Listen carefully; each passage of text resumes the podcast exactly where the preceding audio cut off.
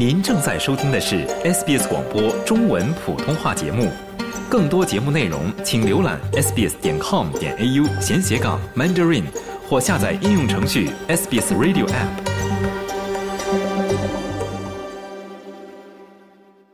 澳大利亚最名声狼藉的警官罗杰·罗杰森因病去世，终年八十三岁。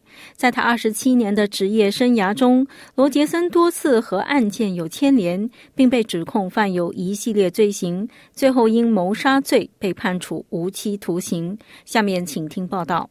罗杰·卡勒布·罗杰森曾是新南威尔士州警察部队的一名杰出警官。他年仅十八岁就加入了警察部门，在其长达二十七年的职业生涯中，曾处理过许多备受瞩目的案件。罗杰森于周日一月二十一号去世，终年八十三岁。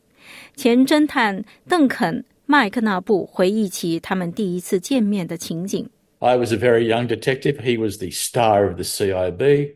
He was utterly charming.”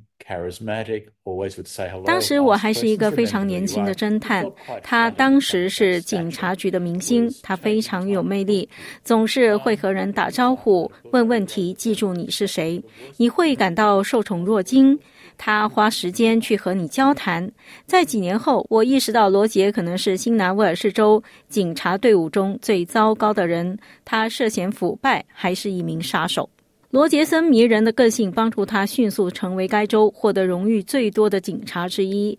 一九八零年，他晋升为一名侦探，甚至因为他出色的警察工作而获得了彼得·米切尔奖，并有望有一天成为警察局长。直到有关他与有组织犯罪有关的指控浮出水面，麦克纳布先生说：“罗杰森的贪婪导致了他垮台的开始。”罗杰森先生于一九八一年首次被指控谋杀，当时他枪杀了毒贩沃伦·兰弗兰奇。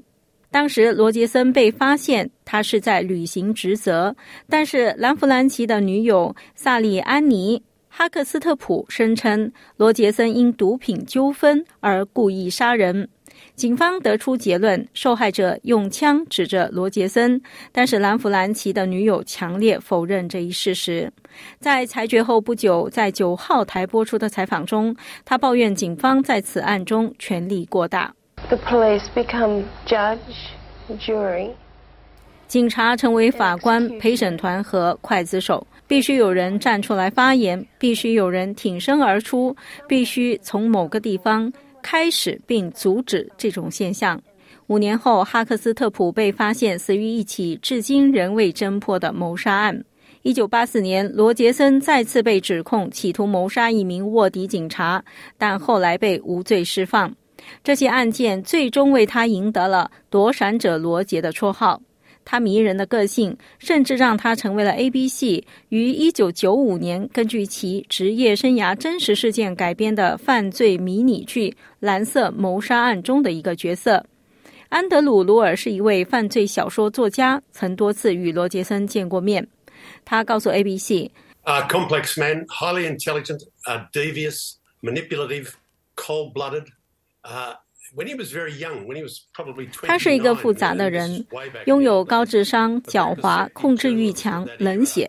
当他很年轻的时候，大概是二十九岁吧，那是很久以前的事了。那个时候，有一位非常敏锐的记者说，年轻的罗杰森让他想起了年轻的唐纳德·布拉德曼。我认为这是将澳大利亚最伟大的体育英雄和澳大利亚最大的恶棍之一所做的一个非常恰当的比较。二零一四年，当年他因谋杀二十岁的毒贩杰米高而被捕。二零一六年，罗杰森与另一位前警察格伦麦克纳马拉一起被判处终身监禁。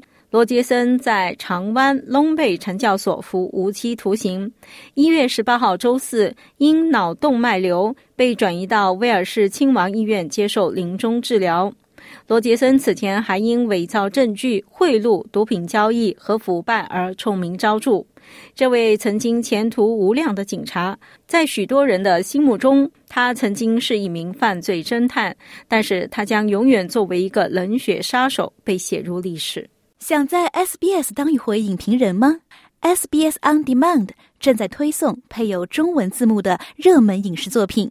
您只需观看一部或以上影视作品，并把影评观后感发给我们，就有机会赢得一份 SBS 精美礼品。